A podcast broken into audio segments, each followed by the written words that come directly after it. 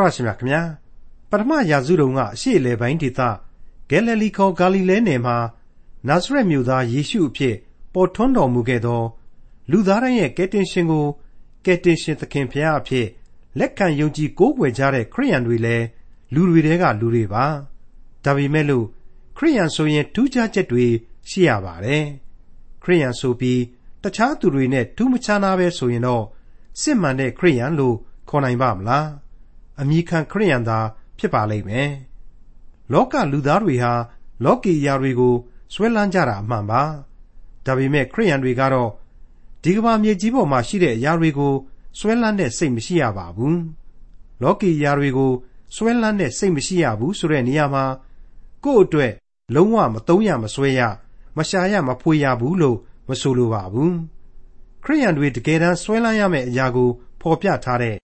ခရိယန်တမန်ကျမ်းရဲ့ဓမ္မသစ်ကျမ်းပိုင်းတွေက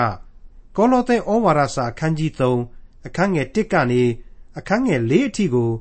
ဒီကနေ့သင်သိရသောတမန်ကျမ်းအစီအစဉ်မှာလေ့လာမှဖြစ်ပါတယ်။အထက်အရာကောင်းကင်အရာကိုသာဆွဲလန်းရမယ်လို့ဆိုပါတယ်။အထက်အရာဆိုတာဘာလဲဆိုတဲ့ရှင်းလင်းဖော်ပြချက်နဲ့အတူကောလောသဲဩဝါဒစာအခန်းကြီး3အခန်းငယ်1ကနေအခန်းငယ်4အထိကိုဒေါက်တာထွန်းမြတ်အေးက အခုလိုလေ့လာတင်ပြမှာဖြစ်ပါတယ်။သင်သိရသောသမာကျမ်းရဲ့မိတ်ဆွေတို့တတ်ရှင်အပေါင်းတို့ကောလောသဲဩဝါဒစာသင်ခန်းစာများအားဖြင့်မိတ်ဆွေတို့ကျွန်တော်တို့တူးချင်းရဲ့ယုံကြည်ခြင်းခံယူချက်တွေကိုကျင့်တရားတွေဝိညာဏခွန်အားသတ္တိတွေဟာကယ်တင်ရှင်သခင်ခရစ်တော်ရဲ့ကျေးဇူးဂရုနာတော်အပေါ်မှာပို၍ပို၍တည်ကြည်ခိုင်ခံ့မြဲမြံနိုင်ကြပါစေခရစ်တော်ရဲ့အသစ်ဖန်ဆင်းပြုပြင်သောခန္ဓာတော်သစ်ဖြစ်သည့်အသင်းတော်များအပေါ်မှာလေ ပို၍ပို၍ဝိညာဉ်ခွန်အားများရရှိခံစားနိုင်ကြပါစေခရစ်တော်ပေးတဲ့မေတ္တာနိုင်ငံတော်ကိုထိရောက်စွာပါဝင်တည်ဆောက်နိုင်ကြပါစေလို့ကျွန်တော်ဆုတောင်းလျက်ရှိနေပါတယ်ဒီကနေ့မှာတော့ကောလောသဲဩဝါဒစာကြီးရဲ့အချိုးအကွေ့တစ်ခုကိုအသစ်စကြရတော့မယ်လို့ကျွန်တော်ဆိုချင်ပါတယ်တမန်တော်ကြီးရှင်ပေါလုဟာသူ့ရဲ့ဩဝါဒစာတွေကိုရေးတဲ့အခါတိုင်းမှာသူ့ရဲ့မူကလေးတစ်ခုနဲ့ရေးလိရှိပြီးတော့အဲ့ဒီမူကလေးကိုလည်းဘုရားသခင်ရဲ့ဝိညာဉ်တော်ဟာနှစ်သက်စွာနဲ့ကောင်းကြီးပေးထားတယ်လို့ကျွန်တော်တို့ဆိုချင်ပါတယ် အဲ့ဒါကတော့တခြားမဟုတ်ပါဘူးသူ့ရဲ့စာပေတွေမှာကြည့်လိုက်မယ်ဆိုရင်ဏိဒန်းပြိုးပြီးတိုင်းခံယူချက်တစ်ခုခုကိုသူဟာအသစ်ဖော်ပြပေးလိရှိတယ်ရှင်းလင်းပေးတယ်အဲ့ဒါကိုလမ်းစဉ်မူဝါဒကြီးတစ်ခုချပေးတယ်ဆိုပြီးတော့လေကျွန်တော်ခံယူမယ်ဆိုရင်လည်းခံယူနိုင်လိမ့်မယ်လို့ကျွန်တော်ဆိုချင်ပါတယ် အဲ့ဒီလမ်းစဉ်သို့မဟုတ်အဲ့ဒီခံယူချက်ကိုအရင်ချထားပေးပြီဆိုပြီးပြီဆိုရင်ဒုတိယပိုင်းကြတဲ့အခါကျတော့အတွေးအခေါ်သိပ်များများမလိုတော့ဘဲနဲ့အဲ့ဒီခံယူချက်နဲ့လမ်းစဉ်မူဝါဒကိုလက်တွေ့ကြကြဘယ်လိုအကောင့်အထည်ဖော်ရမယ်ဆိုတဲ့လုပ်ငန်းသဘောဆောင်တဲ့လမ်းညွှန်ချက်တွေနဲ့ဆွဲယူသွားလိရှိတယ်ဆိုတာကိုကျွန်တော်တို့မြင်နိုင်ပါတယ်မိတ်ဆွေအပေါင်းတို့အခုကောလောသဲဩဝါဒစာမှာလေအဲ့ဒီသူ့မူရင်းအတိုင်းပဲသူ့ရဲ့မူအတိုင်းပဲပထမအခန်းကြီး1နဲ့2တို့မှာ ခံယူချက်တွေနဲ့လမ်းစဉ်မူဝါဒတွေကိုချထားပေးခဲ့ပြီးပြီလို့ကျွန်တော်ပြောချင်ပါတယ်။ဒါကိုမိษွေတို့လည်းသဘောပေါက်ကြမှာပါ။ကယ်တင်ရှင်သခင်ခရစ်တော်ကိုဗဟုပြုထားတဲ့ကျမ်းကြီးဖြစ်တယ်ဆိုတဲ့အတိုင်းပဲကောလောသဲရဲ့အခန်းကြီး1နဲ့2တို့မှာခရစ်တော်အကြောင်းကိုထုံမွန်းပေးခဲ့တာတွေဟာအရေးမကြီးတာတခုမှမရှိဘူးလို့ကျွန်တော်တို့မြင်ခဲ့ရပါတယ်။ခရစ်တော်ဆရာဟာသုံးပါးတဆူဘုရားသခင်ဖန်ဆင်းရှင်အရာရာကိုသူပိုင်သအုပ်စိုးတယ်။သူဟာအသင်းတော်ရဲ့ဥကောင်းအဖြစ်နဲ့နည်းနည်းသောအမှုအဖြစ် အသင်းတော်ကိုသူ၌တည်စေတယ်လူဇာတိပဂရိကိုလူသားအဖြစ်ပြီးပြီးပြင်းပြင်းခံယူတော်မူတယ်ကယ်တင်ရှင်တရားကိုကယ်တင်ရှင်အဖြစ်ပြီးပြီးပြင်းပြင်းချထားပေးတော်မူတယ်သူ့ကိုယုံကြည်ခြင်းအဖြစ်အပြစ်လောကလူသားများဟာလေသူ့အဖြစ်သူကဲ့သို့သူနှင့်အတူပြေဝစုံလင်ခြင်းတို့ရောက်ရတယ်ဆိုတဲ့အချက်တွေးကိုကျွန်တော်တို့ကိုတမန်တော်ကြီးရှင်ပေါလုအဖြစ်နားလည်စေခဲ့ပါပြီမိတ်ဆွေတို့ ဒီကနေ့ကျမ်းသင်ခန်းစာတွေကစပြီးတော့အဲ့ဒီလိုစဉ်းစားဖို့ကောင်းတဲ့အချက်တွေခံယူစရာအကြောင်းတွေတဲ့ကျင့်သုံးဖို့အာယူရမယ်လက်တွေ့ဆန်းဆန်းအချက်တွေကိုပါအဓိကထားပြီးတော့ဖော်ပြသွားတော့မယ်ကျွန်တော်တို့ကိုလက်တွေ့ကျင့်သုံးဖို့ရန်အတွက်တွန်းအားပေးသွားတော့မယ်လို့ကျွန်တော်ဒီအပိုင်းနဲ့ပတ်သက်ပြီးတော့ကြိုတင်တင်ပြခြင်းပါတယ်ဟုတ်ပါတယ်ကျွန်တော်တို့မိษွေတို့ရဲ့ဘဝအသီးသီးကြားမှာခရစ်တော်ဟာလာရောက်ပြီးတော့တည်ရှိတည်နေတော်မူဖို့ရန်အတွက်ဘယ်လိုဘယ်လိုကျွန်တော်တို့လုပ်ကြမလဲ လူသားကိုယ့်ဘက်ကဘာတွေလုပ်ဖို့လိုသလဲဆိုတဲ့အချက်တွေးကိုဒီကနေ့သင်ခန်းစာကနေစတင်ပြီးတော့တမန်တော်ကြီးဟာအသားပေးဖော်ပြသွားပါတော့မယ်ဒီနေရာမှာနောက်ထပ်ထပ်ပြီးတော့ကြိုတင်ပြီးတော့အနည်းငယ်ဆင်ခြင်စဉ်းစားရန်တင်ပြခြင်းတာကတော့ကျွန်တော်တို့အသင်းတော်တွေမှာပြုလုပ်နေကြဖြစ်တဲ့ပြောဆိုနေကြဖြစ်တဲ့ဆက်ကပ်ခြင်း dedication ဆိုတဲ့အချက်နဲ့ပတ်သက်လို့ဖြစ်ပါလေစက္ကပ်အနှံသောအသက်တာဆရာဟာအမှန်တော့ခရစ်တော်၏အစင်းကိုဆောင်ယူသောအသက်တာပဲဖြစ်တယ်လို့ကျွန်တော်ပြောချင်ပါတယ် အခုကောလောသဲသင်ခန်းစာတွေဟာလေအဲ့ဒီစက္ကပ်ချင်းဆိုတဲ့ယုံကြည်သူခရိယန်တို့ပြုရဝတ်အကြောင်းကိုအများကြီးဖော်ညွှန်းသွားလိမ့်မယ်လို့ကျွန်တော်ဆိုချင်ပါတယ်အဲ့ဒီလိုခရစ်တော်ကိုစက္ကပ်ပြီးဆိုရင်လေလူဘဝပုံစံဟာအမှန်ပဲပြောင်းကိုပြောင်းရမှာဖြစ်ပါတယ်လောကကြီးမှာကိုယ်စိတ်ကြိုက်ပျော်တယ်လို့ကြီးပဲစိတ်လွတ်ကိုယ်လွတ်ဖြစ်နေမယ်ဆိုရင်တော့ကိုယ့်ရဲ့ဗီဇသဘာဝကကြီးပေါ်လွင်နေပြီးတော့ခရစ်တော်ရဲ့ရောင်ပြန်ဟန်ဟနိုင်မှာမဟုတ်ပါဘူးဒါကြောင့်မလို့အရာရာမှာစိတ်လွတ်ကိုယ်လွတ်ဖြစ်နေမယ်ဆိုရင်တော့ စက္ကပ်အနန္တဲ့အသက်တာမှာဖြစ်နိုင်တော့မှအသေးချပါပဲကျွန်တော်တို့ကိုကောလောသဲဩဝါဒစာအခန်းကြီး2အငယ်8ကနေ10အတွင်းမှာတုန်းကတမန်တော်ကြီးရှင်ပေါလုဟာအခုလိုရေးသားဖော်ပြပေးခဲ့ပါတယ်ခရစ်တော်၏တရားကိုမလိုက်လူအဆက်ဆက်ခံသောဤဥပရိသနှင့်လောကီတရားနုကိုလိုက်၍လောကီပညာနှင့်အချီးနှီးသောပရိယေအားဖြင့်သင်တို့ကိုအဘယ်သူမျှမလွတ်ယူမဖြက်စီးစေခြင်းကသတိပြုကြလော့အကြောင်းမူကားဘုရားသခင်၏ဇာတိအဖြစ်တော်၏ပြည့်စုံခြင်းအပေါင်းသည် ခရစ်တော်၌ကိုထင်ရှား၍ကျင့်ဝတ်တော်မူ၏အထွတ်အမြတ်အာနာစက်ရှိသမျှကိုအုပ်ဆိုးတော်မူသောထိုသခင်၌သင်တို့သည်စုံလင်ခြင်းရှိကြ၏အဲ့ဒီလိုတွေ့ရခြင်းပါခရစ်တော်၏တရားကိုမလိုက်ရင်ကိုဟာလောကီနောက်ကိုလိုက်နေမှာပဲ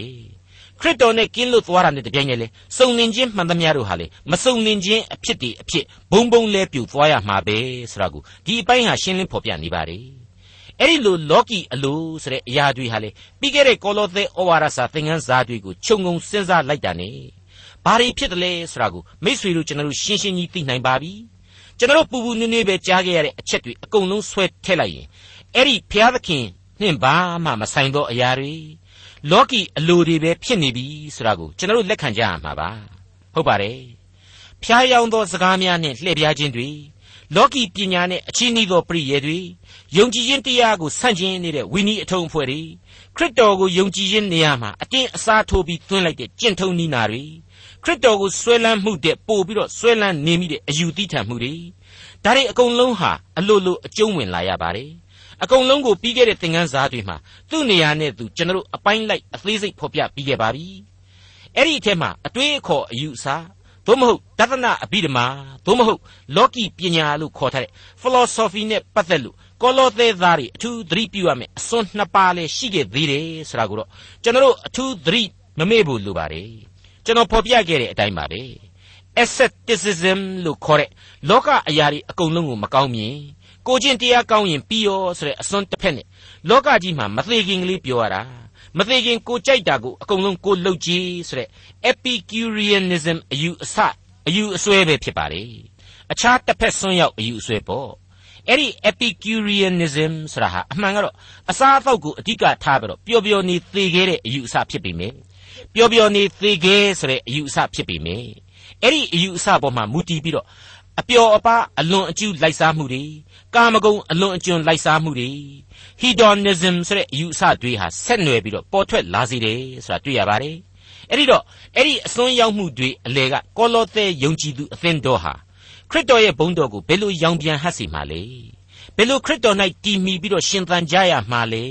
အစွန်းနှစ်ပါးကိုရှောင်ကြရမှာလဲဆိုတာတွေ့ကိုကျွန်တော်တို့ကိုတမန်တော်ကြီးဆက်လက်တင်ပြပေးသွားမှာပါကောလောသဲဩဝါဒစာအခန်းကြီး3အငယ်1အထက်ကဆိုခဲ့ပြီးသည့်အတိုင်း သင်တို့သည်ခရစ်တော်နှင့်အတူထမြောက်ကြသည်မှန်လျင်ဘုရားသခင်လက်ရတော်ဘက်မှခရစ်တော်သည်ထိုင်နေတော်မူရာအရ၌ရှိသောအထက်အရာတို့ကိုရှာကြလော့အထက်ကဆိုခဲ့ပြီးသည့်အတိုင်းတဲ့သင်တို့သည်ခရစ်တော်၌ယုံကြည်ကြပြီမှန်လျင်သို့မဟုတ်ခရစ်တော်နှင့်အတူထမြောက်ကြပြီမှန်လျင်တဲ့အင်္ဂလိပ်လို if လို့သုံးထားပါတယ်ကောလောသဲဩဝါဒစာအခန်းကြီး1အငယ်23တုန်းကလေတည်ရည်စွာနဲ့အမှန်ယုံကြည်ကြလျင်ဆိုပြီးတော့ if ကိုပဲသုံးခဲ့ပါသေးတယ် အခုလိုလျင်ဆိုပြီးတော့မှန်လျင်ဖြစ်လျင်ယုံကြည်လျင်ဆိုပြီးတော့ if ကိုသုံးတာဟာကောလောသဲသားတွေယုံကြည်ခြင်းကိုတမန်တော်ကြီးအားမလို့အားမရဖြစ်လို့မဟုတ်ဘူး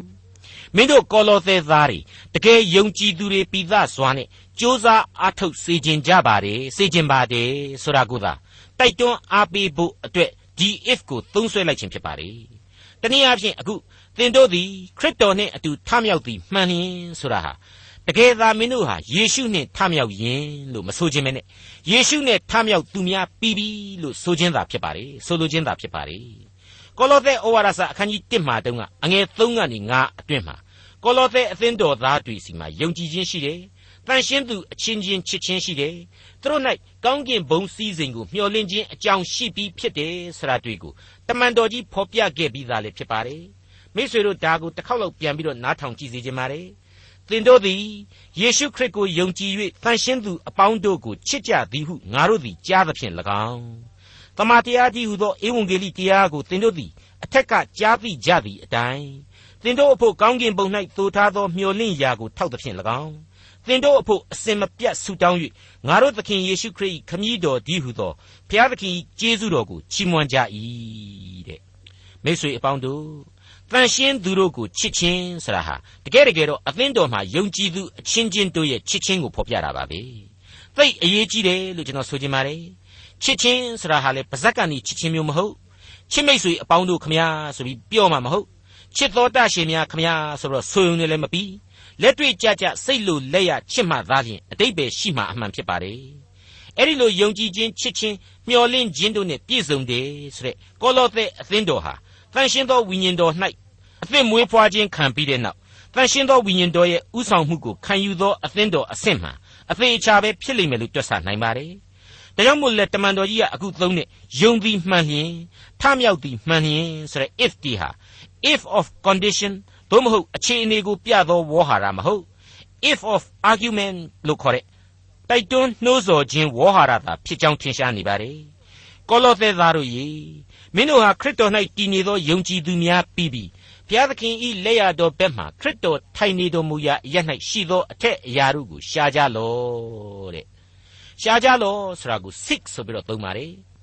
seek ဆိုတာဟာလေအတိတ်ပဲအဖြစ်ရိုးရိုးရှာခြင်းမဟုတ်တရှိုက်မဲ့မဲ့ရှာဖွေခြင်းကိုဆိုလိုပါတယ်ဟုတ်ပါတယ်ခရစ်တော်နှင့်ရှိသောအရာခရစ်တော်၌ရှိသောအရာခရစ်တော်၏ကောင်းကင်ဘုန်းတော်နှင့်ဆိုင်သောအရာတွေကိုရှာရမှာ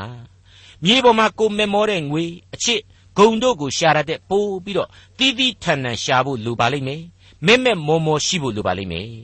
ဒါကြောင့်မလို့ကောလောသဲဩဝါဒစာအခန်းကြီး3အငယ်2ဟာအခုလိုဆက်လက်ဖော်ပြပေးလိုက်ပါတယ်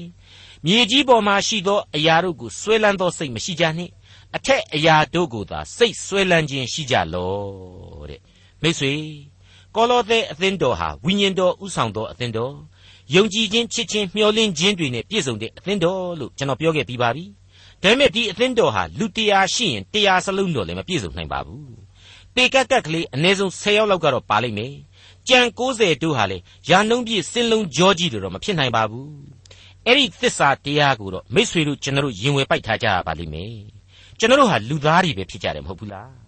ကောလောသဲသားတွေလည်းဒီအတိုင်းပဲပေါ့ဘာသားနဲ့မှထုထတာမဟုတ်ဘူးလေဇာတိပဂိလူသားတွေမဟုတ်ဘူးလား ဘာပဲပြောပြောယုံကြည်ခြင်းစံချိန်မိသူအများစုတို့ကစုယုံထားတဲ့အသင်းတော်မို့လို့ဇာတိပဂိလူအားနေချက်ကလေးတွေဟာအချိန်မရွေးထပြီးတော့မဖောက်ဖို့လိုတယ်ရှိပြီးသားယုံကြည်ခြင်းချစ်ခြင်းမျှော်လင့်ခြင်းတရားတွေဟာပို၍ပို၍ခိုင်ခံ့ဖို့လိုတယ်မြဲမြံဖို့လိုတယ်တိုးပွားဖို့လိုတယ်ဆိုတာဒီကိုတမန်တော်ကြီးဩဝါဒပြုရင်းနဲ့အမြဲသတိပေးနေရခြင်းဖြစ်ပါတယ်ဟုတ်ပါတယ်အခန်းကြီး2ရဲ့အငယ်6နဲ့9တို့မှာအခုလိုကျွန်တော်တို့တွေ့ကြရပြီးသားပါထို့ကြောင့် သင်တို့သည်သခင်ယေရှုခရစ်ကိုခံယူပြီးပြီဖြစ်၍ထိုသခင်၌စိုက်ပျိုးခြင်းတိဆောက်ခြင်းရှိလျက်ဤဥပရိသကိုခံပြီးသည့်အတိုင်းယုံကြည်ခြင်း၌မြဲမြံစွာဆွဲလန်းလျက်ကျေးဇူးတော်ကိုချီးမွမ်းခြင်းနှင့်တကွယုံကြည်ခြင်းတိုးပွားပြည့်စုံလျက်ထိုသခင်၌ကျင်လည်ကြလော့တဲ့မိတ်ဆွေမြေကြီးပေါ်မှာရှိသမျှသောအချင်းအရာတွေကိုဆွဲလန်းတာတဲ့ခရစ်တော်ဤအထက်အရာသို့မဟုတ်ခရစ်တော်၌တည်သောကောင်းကင်ဘုံစည်းစိမ်ကိုမျှော်ကြည့်ခြင်းဟာ အစပေါင်းများစွာပို့ပြီးတော့အရေးကြီးနေတယ်။တရှိုက်မဲ့မဲ့မျှော်ကြည့်ရမှာလည်းဖြစ်တယ်ဆိုတော့ကျွန်တော်ကဖော်ပြခဲ့တဲ့မြေကြီးအရာတွေထဲမှာကျွန်တော်တို့လူတွေအချင်းချင်းထုတ်ဝေတဲ့ကျွန်တော်ရဲ့ရေဒီယိုအစီအစဉ်တွေကျွန်တော်တို့ထုတ်ဝေတဲ့သာသနာရေးဆိုင်ရာပဲဖြစ်ဖြစ်မဂ္ဂဇင်းတွေကျွန်တော်ရဲ့ဝေစာတွေကျွန်တော်ပြုစုလိုက်တဲ့စာတမ်းတွေအဲ့ဒီမြေကြီးပေါ်မှာကျွန်တော်တို့စူးစမ်းအားထုတ်တာတွေကိုပါအဲ့ဒီမြေကြီးပေါ်ကအရာတွေစီးရင်တဲ့မှာတွင်းလိုက်ချင်ပါလေ။ ဘာဖြစ်လို့လဲဆိုတော့ကျွန်တော်ဆိုတဲ့ပုံကိုယ်တွေကကျေးဇူးတော်ပေါ်မှာမူတည်ပြီးတော့အစွန်းအစကလေးရရှိရရှိတဲ့အစွန်းအစကလေးနဲ့ဘုရားသခင်ခိုင်းတာကလေးတွေကိုဝင်လို့ပြီးတော့လောကစွန့်ပကားနဲ့လောကအမြင်တွေကိုပါအစာသွတ်ပြီးတော့လူတွေနှစ်သက်အောင်ဆွဲလန်းအောင်မှန်မှန်နားထောင်အောင်မှန်မှန်ဖတ်အောင်အရသာမရှိရှိအောင်ဆိုပြီးတော့ကြိုးစားလှုပ်ဆောင်ကြတာတကယ်အနှစ်သာရကတော့နှုတ်ကပတ်တော်ကြီးဟူသောဘုရားသခင်နဲ့ခရစ်တော်စီမှာသာရှိတယ် ကျွန်တော်ရဲ့စကားလုံးစာလုံးကျွန်တော်ရဲ့ဆွဲဆောင်မှုတွေကပြုတဲ့ကျေးဇူးသို့မဟုတ်အကျိုးဆိုတာဟာတကယ်သူပေးနိုင်ခြင်းကိုသာဖော်ပြတယ်တကယ်သူပေးတာမဟုတ်သေးဘူးမိတ်ဆွေဒီလိုကျွန်တော်ကပြောရတာဟာအကြောင်းရှိပါတယ်ဒီဩဝါဒစာကိုရေးသားပြုစုလိုက်တဲ့တမန်တော်ကြီးရှင်ပေါလုကိုယ်တိုင်ဘယ်လိုဝန်ခံခဲ့တယ်ဆိုတာကိုကြည့်ပါဘယ်လိုကြွေးကြော်ခဲ့တယ်ဆိုတာကိုနားဆင်ကြည့်ကြပါဖိလိပ္ပိဩဝါဒစာအခန်းကြီး3အငယ်7ကနေပြီးတော့15ကိုကြည့်ရင်အခုလိုမြင်ရပါတယ် ထို့သောဆိုသောအကျိုးကိုခံရပြီးစုံလင်ခြင်းသို့ရောက်ရပြီဟုငါမဆိုလို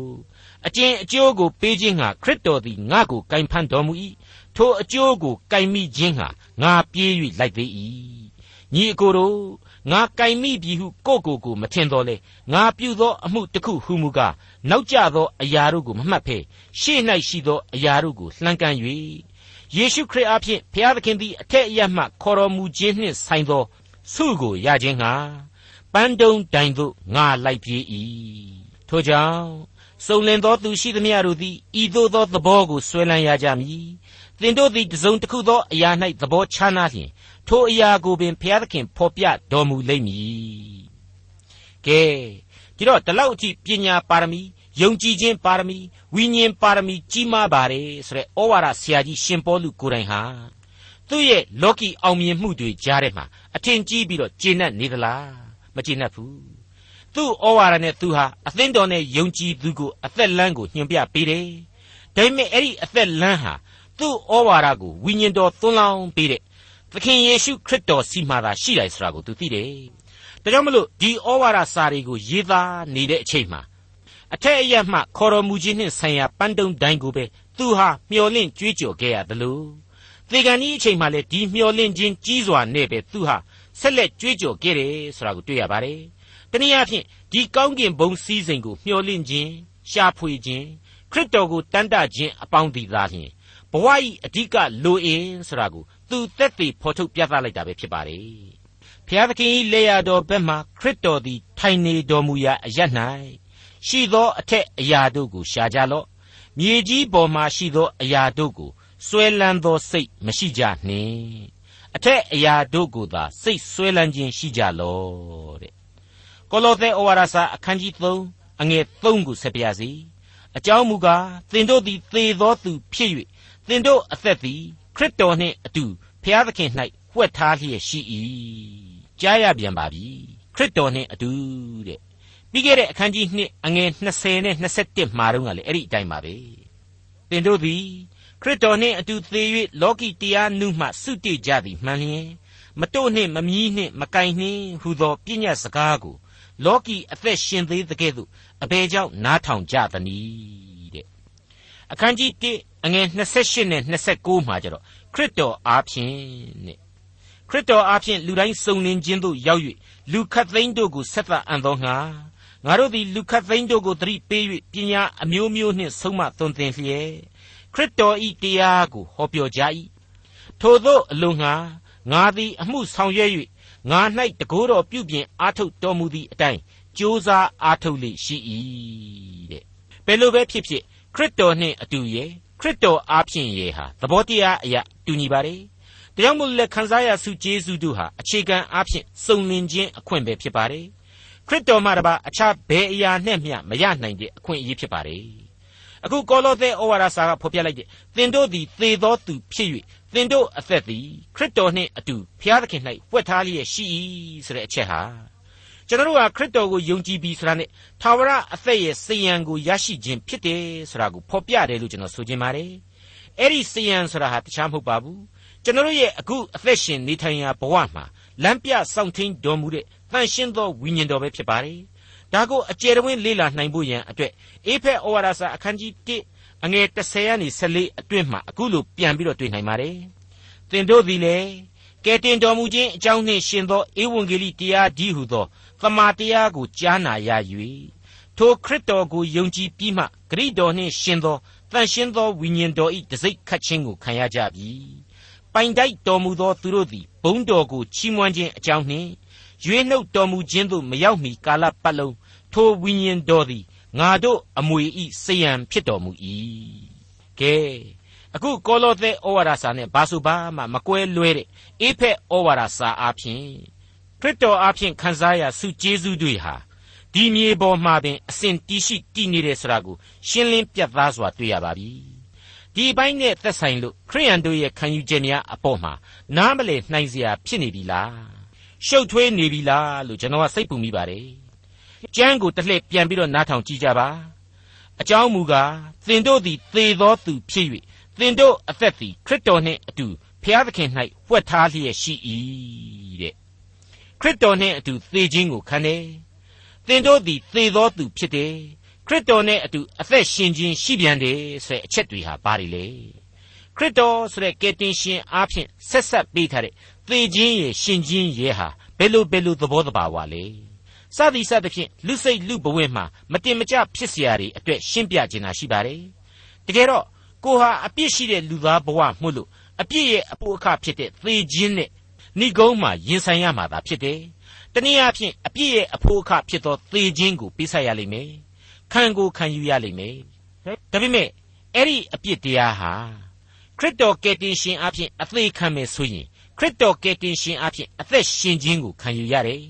အဲ့ဒီလိုအသေးခံခြင်းရဲ့အသက်ရှင်ခြင်းရဲ့ကိုခရစ်တော်ကိုယုံကြည်ခြင်းအပြင်ခရစ်တော်နဲ့အတူရယူနိုင်တယ်ဆိုတဲ့အချက်ပဲဖြစ်ပါလေတနည်းအားဖြင့်ခရစ်တော်ကိုယုံကြည်ခြင်းသည်ခရစ်တော်နှင့်အတူအသေးခံခြင်းနှင့်ခရစ်တော်နှင့်အတူအသက်ရှင်ခြင်းကိုယုံကြည်ခြင်းပဲအဲ့ဒီလိုယုံကြည်ခြင်းရှိဖို့ဆိုတာဟာလေသေချာစဉ်းစားကြည့်ရင်ကိုယ်တိုင်ကကိုဟာအပြစ်သားလူတစ်ယောက်ဖြစ်တယ်ကို့အပြစ်တွေကိုကိုချင်းတရားရဲ့အခြေခံဖြစ်တဲ့ပြည့်ညတ်တော်တွေ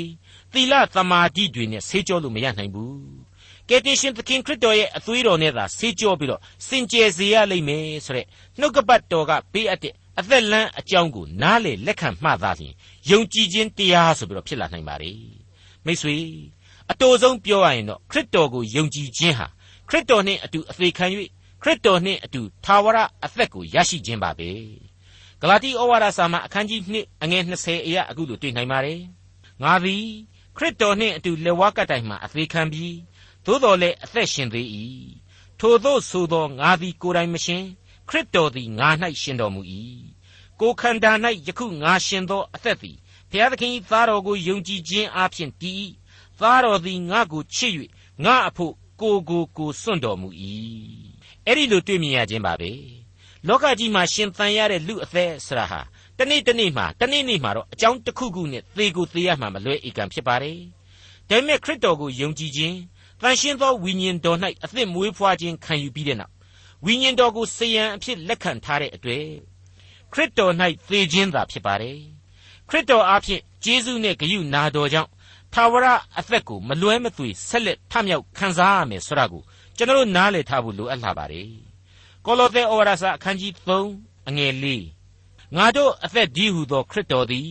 ထင်ရှားတော်မူသောအခါငါတို့သည်လည်းထိုသခင်နှင့်အတူဘုံကြီး၍ထင်ရှားကြလတံကျေးဇူးတော်ဘလောက်ကြီးလဲ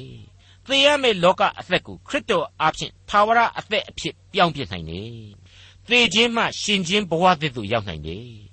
အနတ္တသာဖြစ်တဲ့ကိုယ့်ရဲ့ရုပ်ခန္ဓာကြီးတဲ့ကဘုရားသခင်ပေးအပ်ထားတဲ့အသက်ဝိညာဉ်မှာသေခြင်းဆိုတာမရှိနိုင်ဘူးရိုးပြမြေခကြွေကြရတဲ့လူဘဝမှာ ဘုရားသခင်ပေးထားတဲ့အသက်ဝိညာဉ်အားဖြင့်သာဝရရှင်သန်ခြင်းအခွင့်ကိုယုံကြည်ခြင်းနဲ့ရယူနိုင်တယ်ဘုရားသခင်ကသူဖန်ဆင်းပြီးတော့သူချစ်တော်မူတဲ့လူသားတိုင်းအပေါ်မှာကယ်တင်ရှင်ကျေးဇူးတော်ကိုပြုထားတော်မူတယ်ဆိုတာတွေ့ကိုစိတ်စိတ်စဉ်းစားတိုင်းအဖြေဟာရှင်းနေပါတယ်အကယ်၍သာကိုကအဲ့ဒီလိုသဘောမထားဘူးကိုဟာသာမန်တိရစ္ဆာန်တကောင်နဲ့ဘာမှမထူးကြဘူးမခြားနာဘူးသတ္တလောကရဲ့အနတ္တသတ္တဝါတကောင်ပဲအဲ့ဒီလိုအပေါ်စားဆန်ဆန်သဘောထားနေမယ်ဆိုရင်တော့ ဘုရားသခင်ဆိုတာရှိဖို့မလိုသလိုခရစ်တော်လည်းရှိဖို့မလိုပါဘူးကယ်တင်ရှင်တရားဆိုတာဟာလည်းရှိဖို့လိုအပ်တော့မှာမဟုတ်ပါဘူးကောလောသဲအသင်းတော်ကယုံကြည်သူတွေနဲ့အတူကျွန်တော်မိษွေတို့အထက်ကယုံကြည်သူတွေအဖို့ကတော့အသက်တာလမ်းဟာအလွန်ဖြောင်ပြူနေပါတယ်ရှင်းလင်းပြတ်သားစွာတည်ရှိနေပါတယ်ကျွန်တော်ရဲ့ယုံကြည်ခြင်းရဲ့ဗဟိုဖြစ်သောခရစ်တော်ရဲ့ကျေးဇူးတော်အရာအသက်ဝိညာဉ်တွေဟာဘုရားသခင်စီမှာအနှံထားပြီးဖြစ်နေတယ်အလုံးစုံတို့ကိုပိုင်သောသခင် စုံလင်ခြင်းရှိသောသခင်အားဖြင့်ဘုန်းတော်ကိုခံစားရမယ်ဘုန်းတော်ကိုဝင်စားရမယ်ထိုသခင်နှင့်အတူဘုံကြီး၍ထင်ရှားကြရလိမ့်မယ်ဆိုတာကိုတမန်တော်ကြီးရှင်းပြပေးလိုက်ပါတယ်မှန်ဟုတ်ပါတယ်